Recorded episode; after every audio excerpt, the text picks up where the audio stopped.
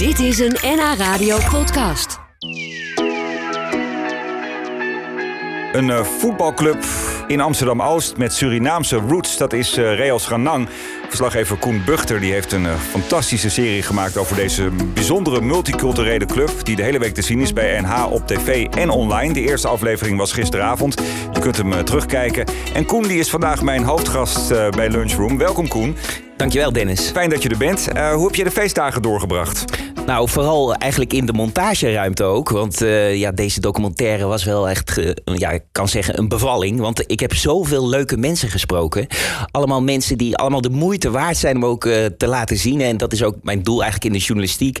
We, we- we hebben het vaak over wat gaat er mis. Hè? Wat, wat gaat er nou eigenlijk qua conflicten aan de, ja, wat gebeurt er allemaal in de wereld. Maar mijn doel is juist om te laten zien wat gaat er goed. En waar Ja. word je juist blij van? Waar krijg je juist een glimlach van op je gezicht? Nou ja, en dat lukte heel erg goed bij Real Schanang. Want die mensen, het zijn allemaal hele lieve mensen die ik heb geportretteerd. Ja, we gaan er natuurlijk zo meteen eh, uitgebreid na één eh, echt eh, dieper op in. Op die docu zelf, hoe je bij dit verhaal bent gekomen. Maar dat betekent dus wel dat jij een ja, wat, wat saaiere kerst en oud en nieuw hebt gehad... dan dat je misschien gewend was. Nou, ik zat eerlijk gezegd ook in Londen. En ik had mijn laptop meegenomen waar ik dan op zat te monteren. Mijn familie woont in, Londen. dus ik, ik had het slechter kunnen treffen, Dennis. Maar eh, ik kan je zeggen, het was aan de ene kant met mijn familie gezellig over de London Bridge. En als ik dan thuis kwam, dan zat ik weer achter de computer om eh, over Real Schanang te buigen. Ja, want het is natuurlijk, eh, als je dat gedraaid hebt... dat is dat natuurlijk eh, echt een ongelofelijke stapel aan materiaal. En dat moet dan worden uitgezocht. En dan uiteindelijk moet daar dat, dat, mooie, dat mooie verhaal van gemaakt worden. En ja, dat, dat lijkt me heel veel knippen weggooien... ehm, opnieuw bekijken, toch maar weer dit naar voren, dit weer naar achter... Ja, precies.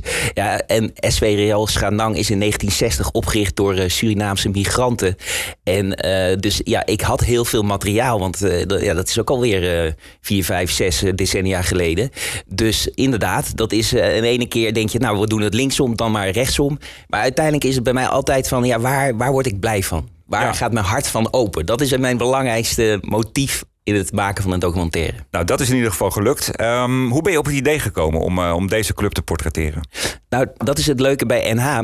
Eh, ik heb voor heel veel omroepen in eh, Hilversum gewerkt.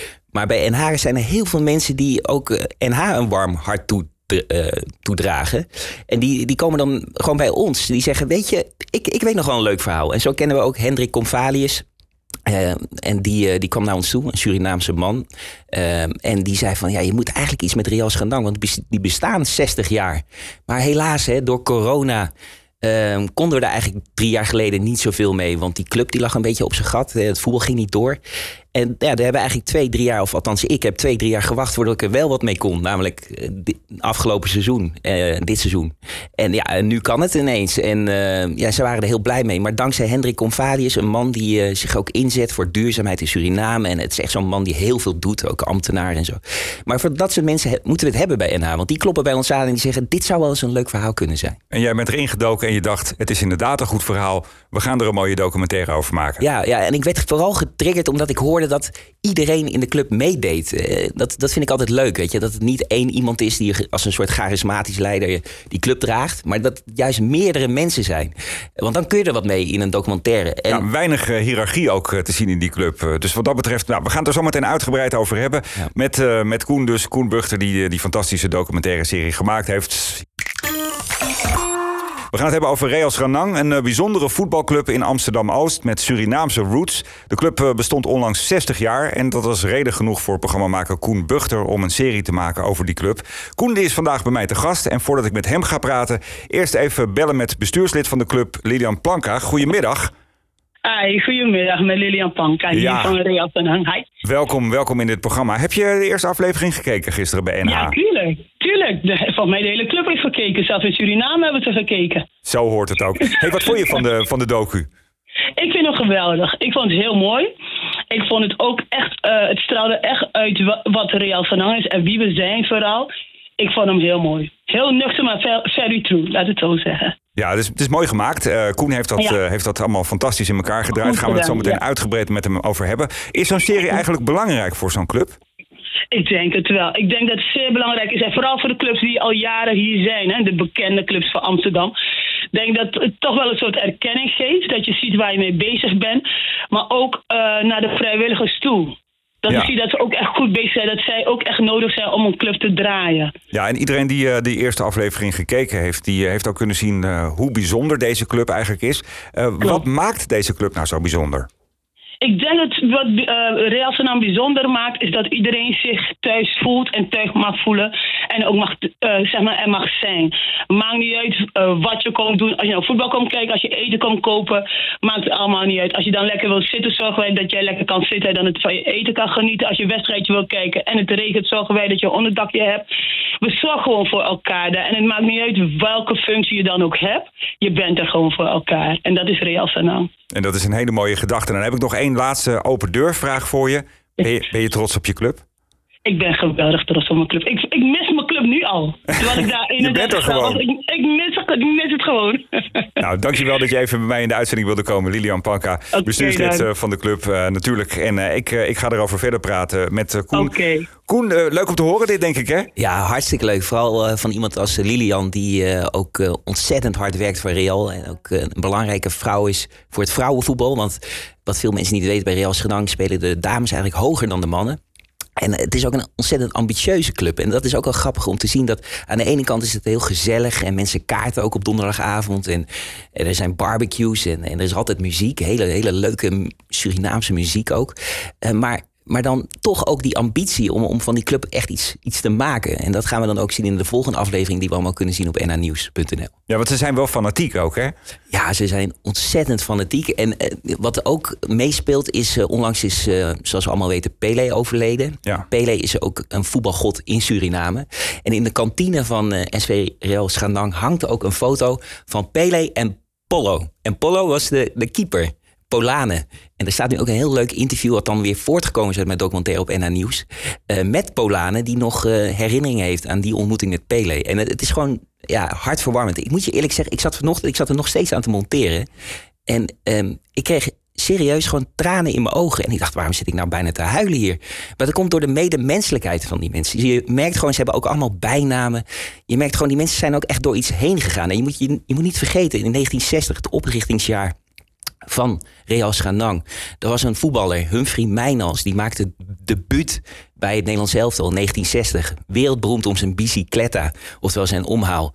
En dat zorgde voor een revolutie in het Nederlandse voetbal. We hebben er later natuurlijk Gullit, een rijkaart gekregen. Maar dat was ja, ongeëvenaard. En eh, dat was dus ook niet toevallig dat precies in 1960 die club is opgericht. En al die Surinaamse jongens, want dat waren 20 jaar, die kregen zelfvertrouwen van, van Mijnals, maar ook van figuren als Rijkaard en ehm, van Gullit. De vaders van deze beroemde voetballers speelden ook bij Real Sanang. Maar toen ik dus in die edit zag en zag dat die jongens daar met zoveel plezier op terugkeken, kreeg ik dus tranen in mijn ogen. Want het betekende echt iets voor hen in hun leven. Ja, en de sfeer is echt fantastisch natuurlijk. Dat kunnen we allemaal zien. Eh, misschien is het, eh, is het goed om even iets te vertellen over het ontstaan van die club aan het begin. Want eh, wat, wat kan je daarover zeggen? Nou, het was dus inderdaad 1960. De eerste Surinaamse migranten kwamen naar Nederland en die voelden graag in het park in Amsterdam. En die dachten van, hé, hey, we kunnen het eigenlijk best goed eh, vergeleken met die Nederlandse knaapjes waar we tegen voetballen. Laten we eens een, eh, een clubje oprichten. En eh, nou, dat kon. De KVB stond ervoor open. En dat, die club die kwam ook in Amsterdam-Noord. En ja, die club is een paar keer verhuisd. Maar het komt erop neer dat die club eigenlijk gelijk ook al indruk maakte. Er stonden op een gegeven moment gewoon rijen dikke mensen te kijken.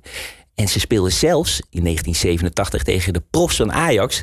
En toen wonnen ze met 2-1 Wauw. amateurs. En dat was puur en alleen vanwege hun technische voetbal, maar ook vanwege hun geestdrift. En ze gaven dan elkaar kleine Surinaamse coaching, hè, woordjes.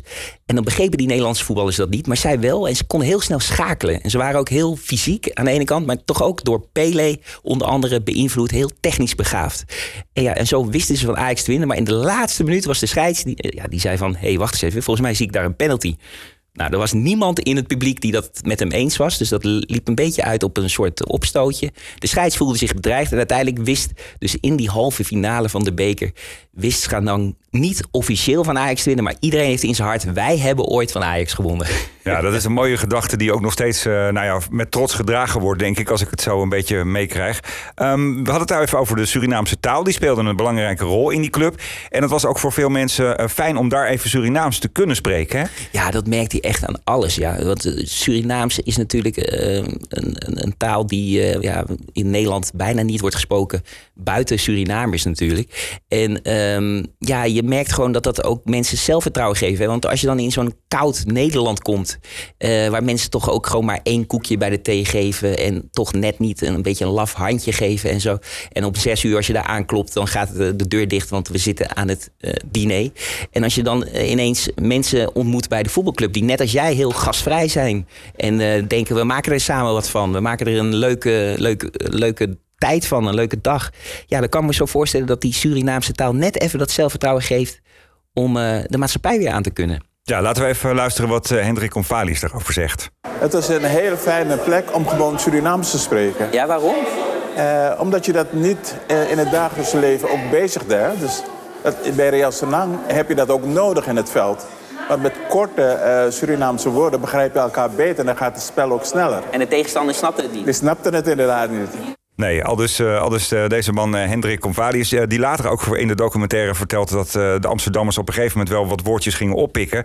En dus ook begrepen waar ze het over hadden. Maar in het begin waren ze in het voordeel, hè? Ja, klopt. Ja, nou, natuurlijk, Amsterdam werd langzaam maar zeker een multiculturele stad. Dus er kwamen steeds meer mensen vanuit verschillende landen. En op een gegeven moment werd Surinaams ook onderdeel van de straattaal. Hè? Dus we kennen allemaal Fuwaka, hoe gaat het?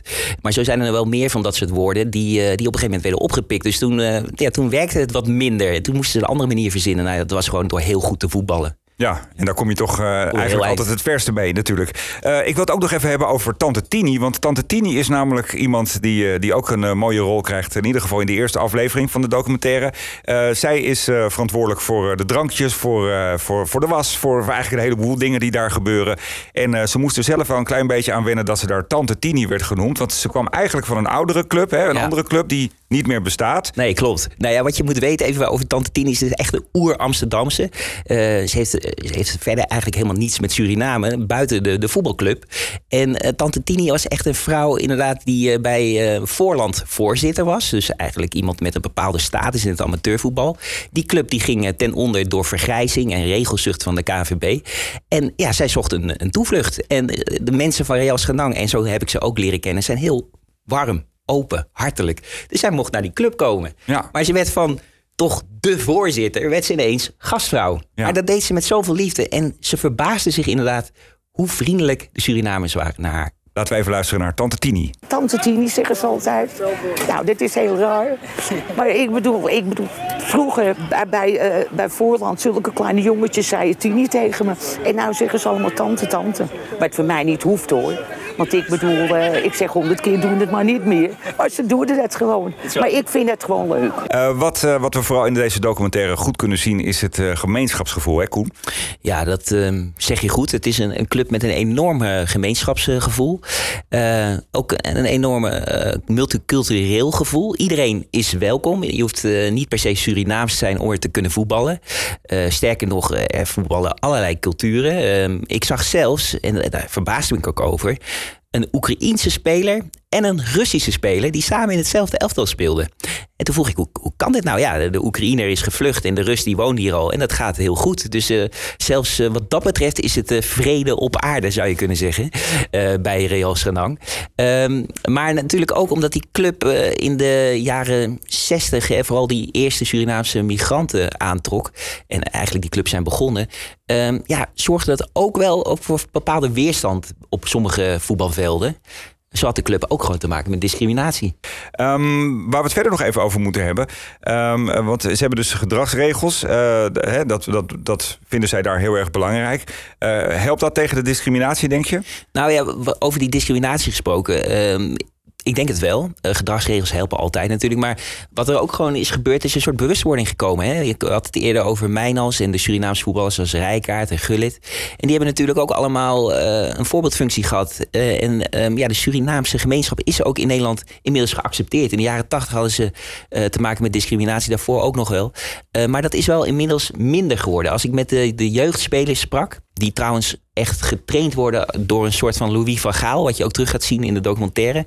Uh, de discipline uh, viert hoogtijd daar.